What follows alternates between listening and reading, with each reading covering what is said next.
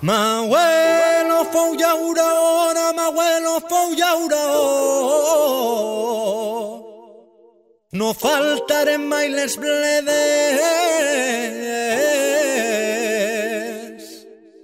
I ara que ja sóc padrí, que vull ser llauró. I asfalt damunt d'eixes terres. Passa el temps, roda la cadena, ara asfalt on hi havia terra, operaris, actors secundaris d'esta brama... Va de vie, un programme sobre tot que envolta el binatural, de la mà de Jérôme Chénaud.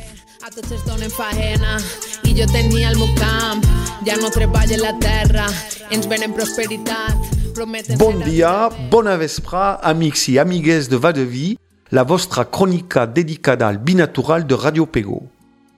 Per aquest capítol de mig temporada, volia compartir amb vosaltres diverses coses. De primer, gràcies-vos de seguir aquesta crònica, gràcies l'equip de Radio Pego per acollir-me cada setmana, Ferran i Vicent per arreglar les meues errades, encara no estic gaire còmode davant un micròfon.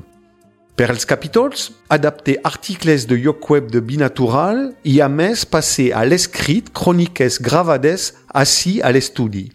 Si voleu més contingut, l'adreça és binatural.org i també podeu seguir-nos a les xarxes socials.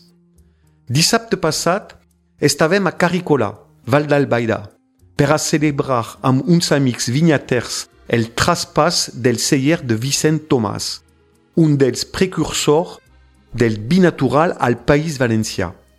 És Chris Bagno, de cos a cos, que continua l'aventura. Ja Vicent i Carmen poden gaudir de la vida en pau, el celler està entre bones mans. Ara us anuncie la data de la pròxima Fira de Binatural a Pego, que serà el diumenge 5 de maig a partir de les 11. Prompt, tindrem els detalls i podreu comprar la vostra entrada en línia. Limitem l'aforament a 400 entrades per a proposar un esdeveniment agradable a l'ombra dels pins del convent. Tindrem bona música en directe, bon menjar i 25 parades de vinyaters amb vins naturals com l'entenem. Cal recordar que sense l'ajuda de l'Ajuntament de Pego, aquest esdeveniment no podria tenir lloc. Ah, busquem voluntaris i voluntàries per a rebre com cal. M'han enviat un PDF del Ministeri de l'Agricultura, Pesca i Alimentació de novembre de 2023 intitulat Menció natural en productos vitivinícolas, tractant de la menció natural a les etiquetes d'ampolles de vins. Per a resumir, prohibeixen la menció de vino natural a les etiquetes de vi. Punt. Justifiquen amb el fet que no n'hi ha una normativa sobre aquesta apel·lació i pot enganyar el consumidor. Molt bé, així la gent que no fa vi natural no farà més mentides. Un vi natural és raïm fermentat iau. Que necessitem una nova legislació? No seria més simple que cada productor de vins diu que fa i que posa als seus vins? Nosaltres és simple. Raïm iau. Solo uva. Only grape. Seulement du raisin. Mireu, funciona amb totes les llengües. Podem parlar de l'aspecte tècnic. Què fas i qui no fas a la teua vinya i al teu celler. Si tractes si filtres, si afegeixes sulfits, això tothom entén i les coses són clares.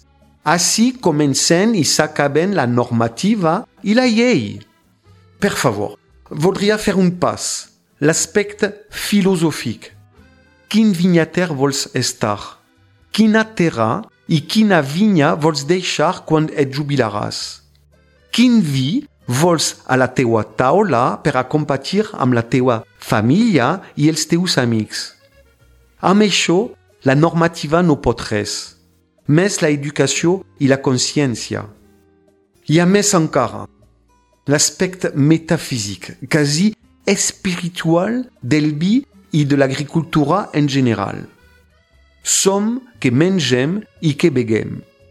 Parlem de vi viu, pero concretament, què és un producte viu?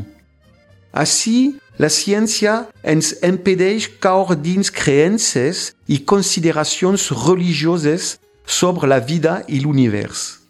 Depèn de cadascú decidir-se a partir de les seues pròpies experiències. La viticultura industrial és malauradament l'agricultura que contamina el més. El vi és un producte transformat que se suposa reflectir un terrer, terroir en a dir, el territori, el raïm i la gent que el cultiva? La pregunta és quin futur volem? Feu la favor de cuidar-vos. Salut i